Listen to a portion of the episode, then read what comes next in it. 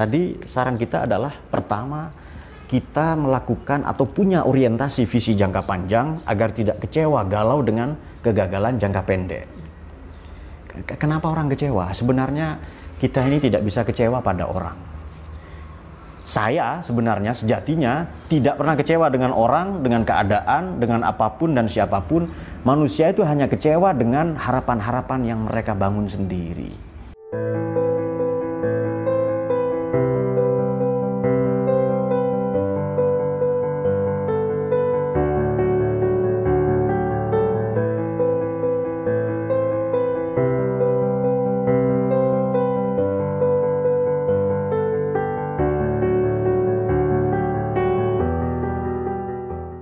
Assalamualaikum warahmatullahi wabarakatuh.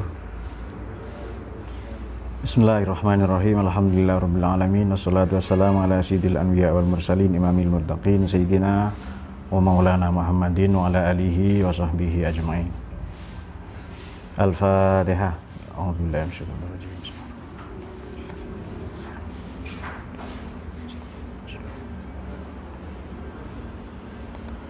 Allahumma salli ala sayyidina Muhammad صلاة الله وسلام على من أوحي القرآن وأهل بيته الكرام وصحبه ذوي القرآن صلاة الله وسلام على من أوحي القرآن وأهل بيته وصحبه ذوي القرآن سلام الله والرضوان على من عظم القرآن بقلب خالص ومحب الراغب القرآن فطوبى من تعلم وبعد علم القرآن صلاة الله على من أوحي القرآن وأهل بيته الكرام وصحبه وفاز من تكلم مع الرحمن بالقرآن وخاب من تجنب عليه لعنة القرآن ولا قرين في الدنيا ولا الأخرى سوى القرآن. وسلام على من أوحي القرآن وأهل بيته الكرام. ذوي القرآن عسى نجبى عسى نخبى شفاعة من القرآن. عسى نحظى عسى نحظى جنان منزل القرآن. فيا إله نجعلنا من الأهالي في القرآن. الله وسلام وأهل بيته الكرام وصحبه Kita akan lanjutkan kajian tafsir tematik atau tafsir maudhu'i. Uh, saya akan membaca beberapa tafsir di sini ya. Al-Mizan, Mafatihul Ghaib, kemudian At-Tahrir wa Tanwir juga tafsir dari Syekh Wahbah Zuhaili. Pada pertemuan yang lalu kita sudah membahas perihal istri atau uh, ibu idaman lah ya menurut Al-Quran. Waktu itu kita sebutkan empat kriteria. Pertama adalah wa ummuhu siddiqah yakni ibunda dari Nabi Isa alaihissalam. Ibunya yang concern, ibunya yang jujur, yang tidak menyebar hoax. Kemudian uh, ibu yang kedua dalam makna atau perempuan ibu kita secara biologis yakni fardatnahu ila ummihi taqarra ainuha wa tahzan ibunda Nabi Musa alaihissalam. Kemudian ibu yang ketiga yakni ibu secara antropologis yakni ibu sebagai peta dakwah yakni uh, andahu uh, litunzira ummal qura wa man haulaha agar kau beri peringatan Muhammad umul qura pada penduduk desa atau negeri dan orang-orang di sekelilingnya dan yang terakhir ibu sebagai server atau ibu sebagai pendidik wa'indahu umul kitab. Nah, pada kesempatan berbahagia ini kita akan membahas mengenai generasi milenial yang gagal menurut Al-Qur'an.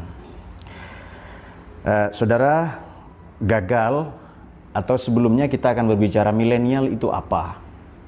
Kemudian sekarang kita berada di era revolusi industri 4.0 atau yang keempat. Kita tahu revolusi industri pertama adalah transformasi dari M ke M, dari muscle ke money. Dahulu kala di abad ke-19 atau mungkin sebelumnya orang kuat adalah orang yang berotot tetapi kemudian ada pergeseran orang yang kuat adalah orang yang berduit atau transformasi dari man ke machine, perpindahan dari manusia, tugas manusia, peranan manusia, nyaris seluruhnya digantikan oleh mesin dan itu kita bawa sampai sekarang. Revolusi industri yang pertama. Yang kedua, bercorak electrical. Lantas yang ketiga, bercorak globalisasi atau computerized atau bercorak komputerisasi dan sekarang ini bercorak big data dan kita telah sampai yakni pada masa disrupsi. Disrupsi ini apa?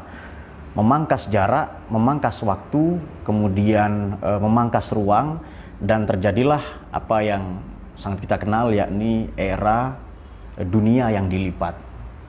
Sehingga generasi-generasi yang terlahir di mana internet itu ada, ia disebut generasi milenial dan sekarang internet itu telah memasuki era yang ketiga ya, era generasi ketiga atau yang kita kenal sebagai Internet of Things.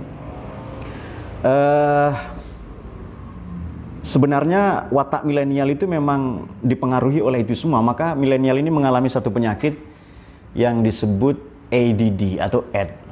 Itu penyedis penyakit semua, AD, confirm, like dan lain-lain itu. ADD itu adalah ada yang tahu mungkin di antara kalian apa?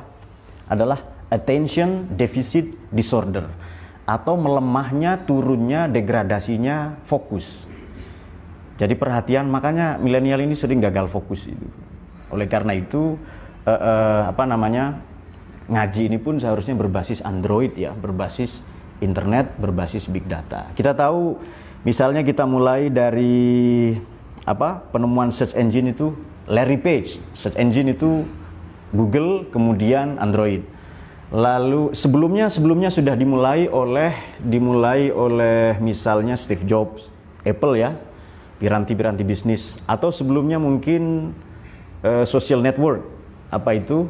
Facebook, uh, WhatsApp dan sejenisnya itu digagas oleh Mark Zuckerberg. Kemudian ada lagi misalnya Bill Gates, operating system Microsoft.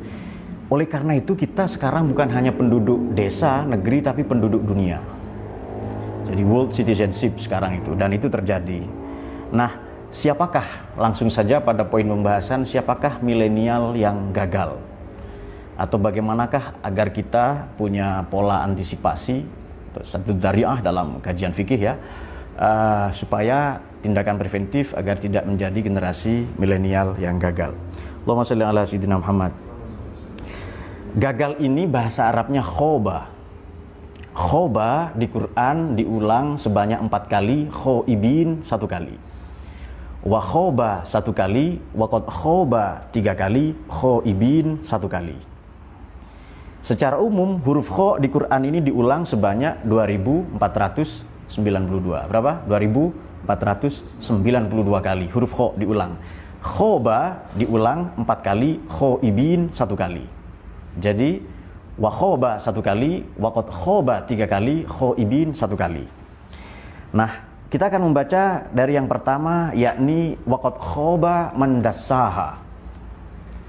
Setelah Allah bersumpah demi matahari, langit, bumi, surat Asyams ya, ayat 10. Lalu Allah bersumpah demi jiwa kita, demi diri kita. Wa nafsi wa ma sawaha. Fujuraha wa taqwaha. Maka kami ilhamkan jalan yang fujur, negatif, kemudian jalan yang positif, jalan takwa. Dalam terma psikologi, jalan yang fujur ini disebut nekrofilia, yang positif disebut biofilia. Ini apa yin yangnya lah ya. Kemudian kemudian uh, aflah man zakaha. Beruntunglah orang yang mensucikan dirinya, waqad waqad khaba man dasaha. Merugilah orang yang mengotori jiwanya. Maka Waktu khoba mandasaha ini otomatis ya jiwa manusia ini tidak dengan sendirinya menjadi sempurna. Matahari itu bulat, lingkaran, bumi, kemudian bulan, kecuali yang percaya bumi datar, saya tidak tahu.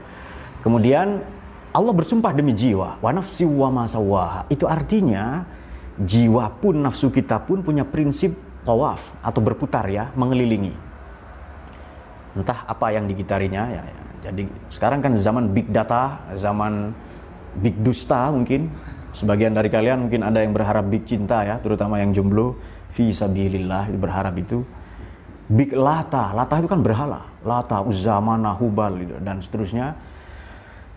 Nah, otomatis jiwa manusia ini tidak auto perfektif. Ia tidak sempurna dengan sendirinya, harus kita bentuk.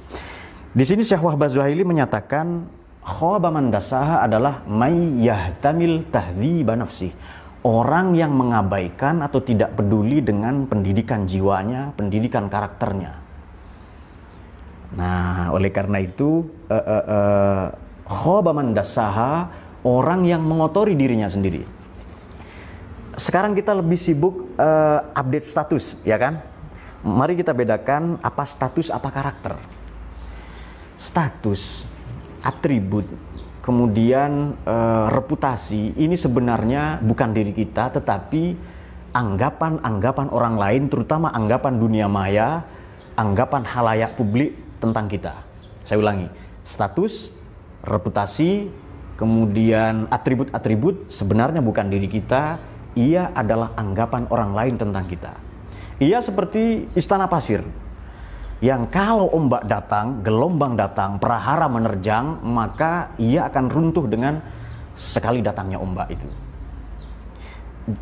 Itu artinya reputasi prestis, harga diri yang kita anggap itu nama-nama baik itu sebenarnya istana pasir. Berbeda dengan karakter. Karakter kita adalah batu karang.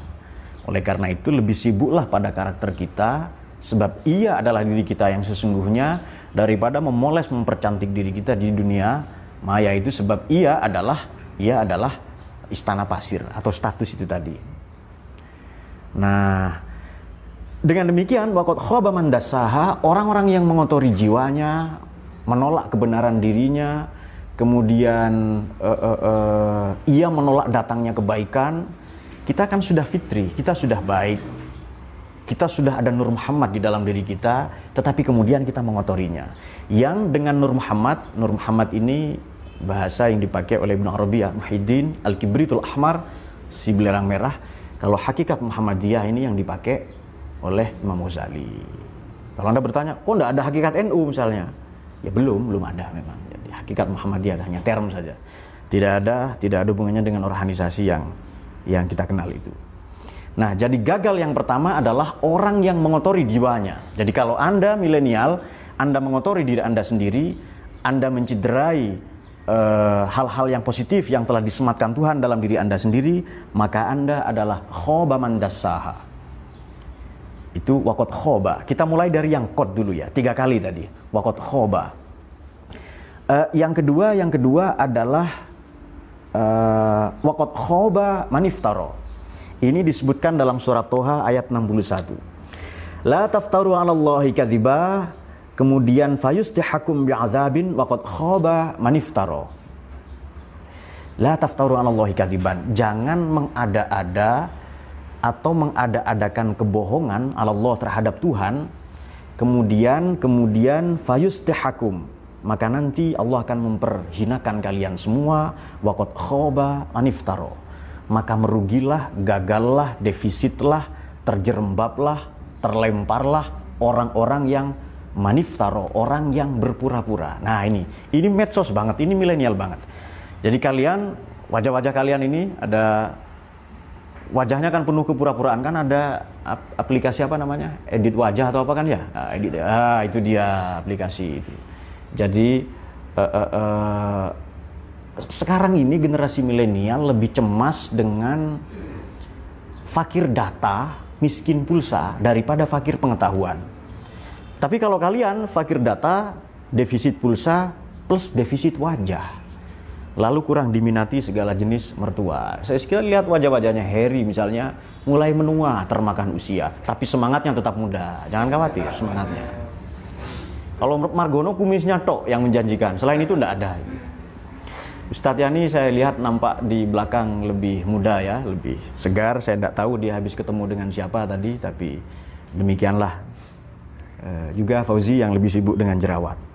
Allahumma sholli ala sayyidina Muhammad. Baik, yang kedua, waqad khoba maniftaro, merugilah orang yang berpura-pura. E, Bagaimanakah orang yang tertipu oleh dunia itu bisa kita lacak, tetapi ada satu jenis penipuan, kamuflase, tipu daya yang kita tidak bisa melacaknya atau indikator-indikator eksoteriknya sangat sulit kita temukan. Misalnya begini, kita temukan ayat, wahai orang-orang, wahai sekalian manusia, la yaghurrannakum la taghurrannakumul hayatad dunia. Kalian jangan tertipu kehidupan dunia. Ini kelihatan semua ini.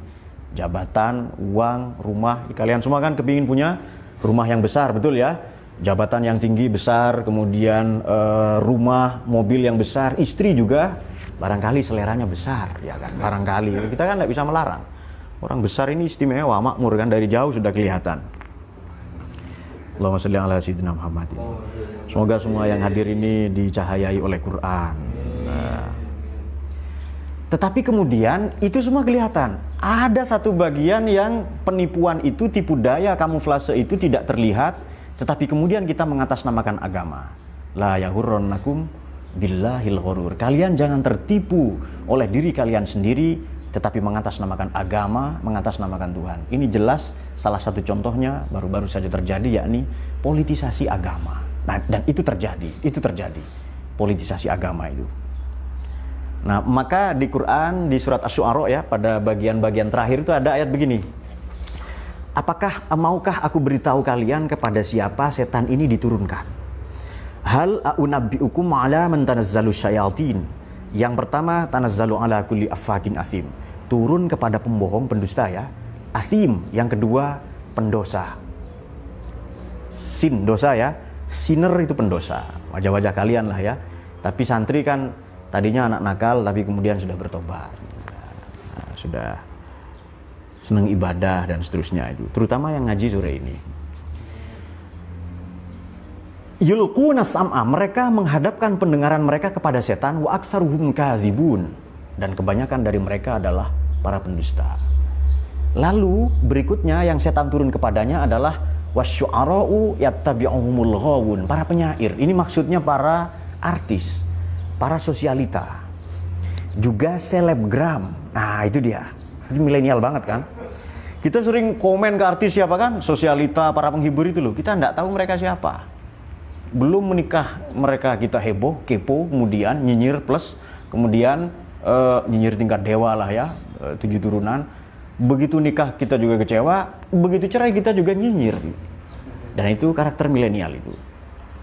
Nah, jadi kalau sebenarnya kita kalau kita flashback ke sejarah ada tiga golongan yang sangat dimuliakan bahkan dikultuskan didewa-dewakan di zaman Nabi. Pertama syair, para artis, yang kedua kahin, para dukun, yang ketiga sahir, ya para penyihir lah itu.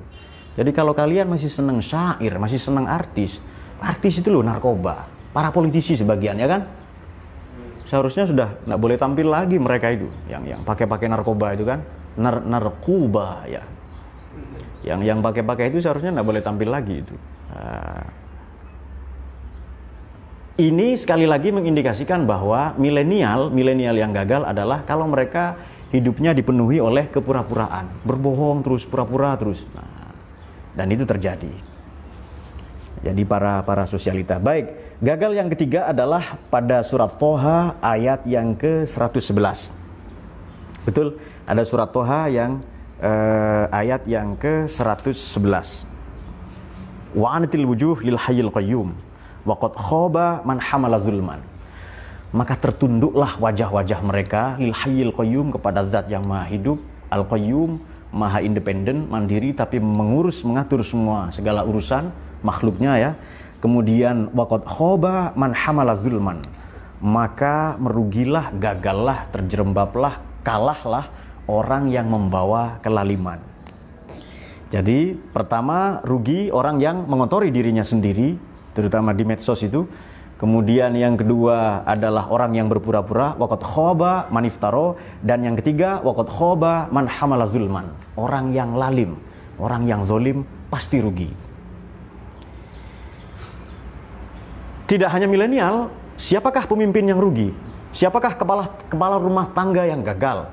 Siapakah anak yang gagal? Menantu, mungkin ada menantu di antara kalian. Siapakah mertua yang gagal? Siapakah orang tua yang gagal? Yakni mereka yang manhamala zulman, orang yang lalim. Uh, pada surat Toha ayat 111. Sehingga eh, kita perlu menyiasati ya, bagaimana supaya kita tidak gagal. Tadi kan sudah kita sebutkan ada tiga dilalah lafziyah atau indikator eksoterik mengenai kegagalan. Bagaimana gundah, galau bahasa kalian dengan kegagalan jangka pendek.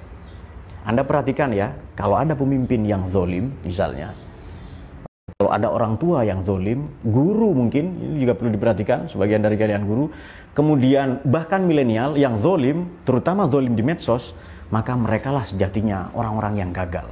Man hamala zulman. Eh, dan lawan katanya adalah nur.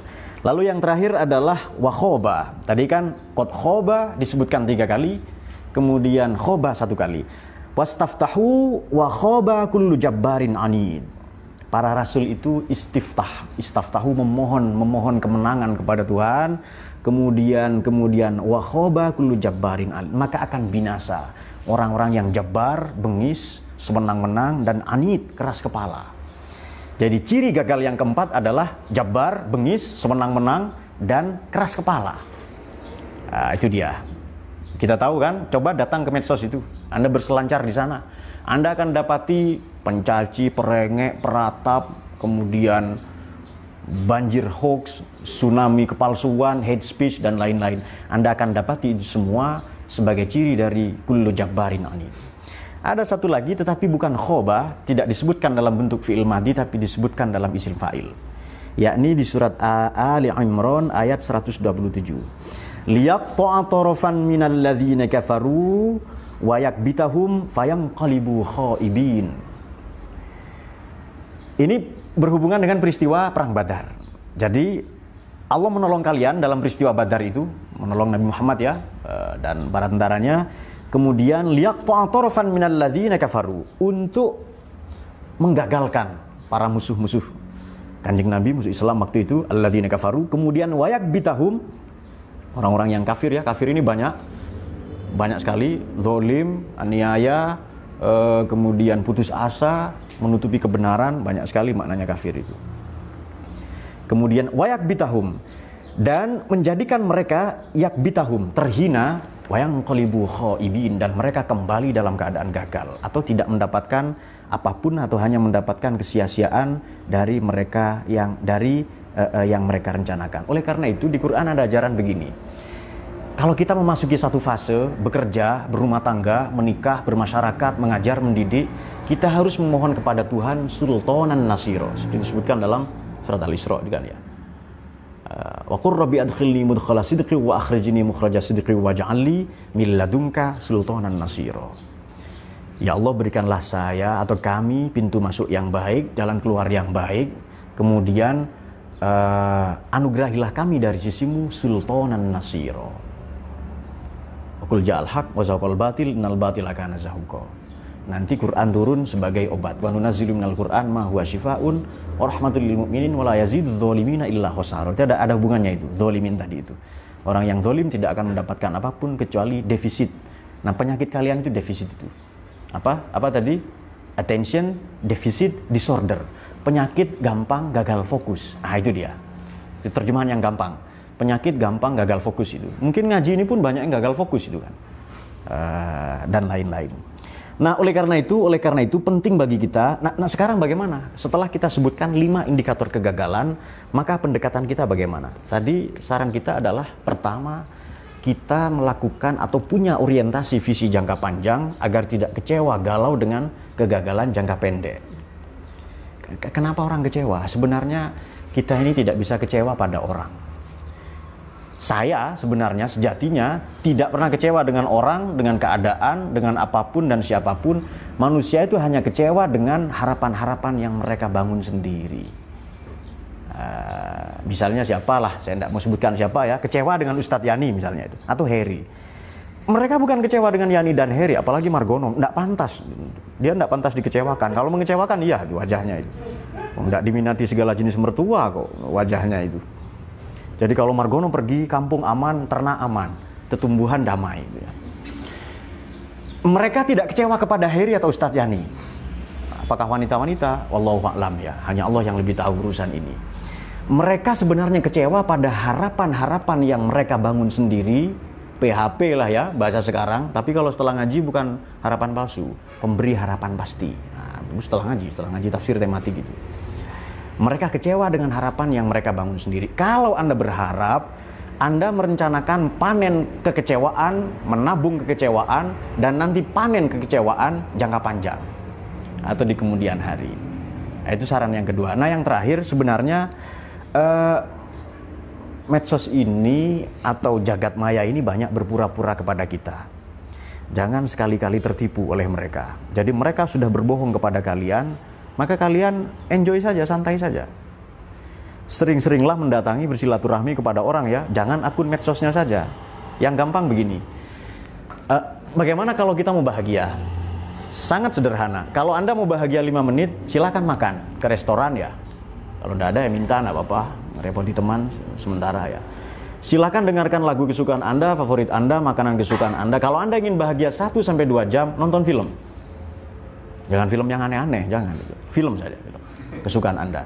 Kalau Anda ingin bahagia sehari dua hari, silakan piknik, liburan. Misalnya liburan ke mana? Ke planet Neptunus, misalnya. ke bulan, dan seterusnya.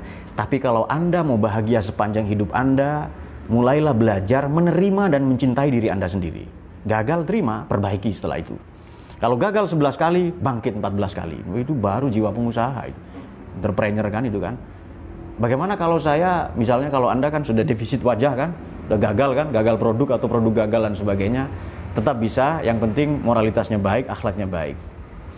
Bagaimana kalau mau bahagia sepanjang hidup? Cintai diri Anda, agama Anda, bahagialah hidup di Indonesia, terima Indonesia ini, bersyukur dengan itu, maka kita bahagia sumber hidup kan ada konsep kebahagiaan sa'adatud daroin bahagia di dunia dan di akhirat kalau itu kita mampu kita tidak akan menjadi milenial yang gagal dalam beragama jangan jangan merasa terpaksa ada di surat al-ahzab kan maka nangala nabi min harjin fima faradallahu lah Nabi, kanjeng Nabi Shallallahu Alaihi Wasallam tidak pernah merasa terpaksa menjalankan perintah agama.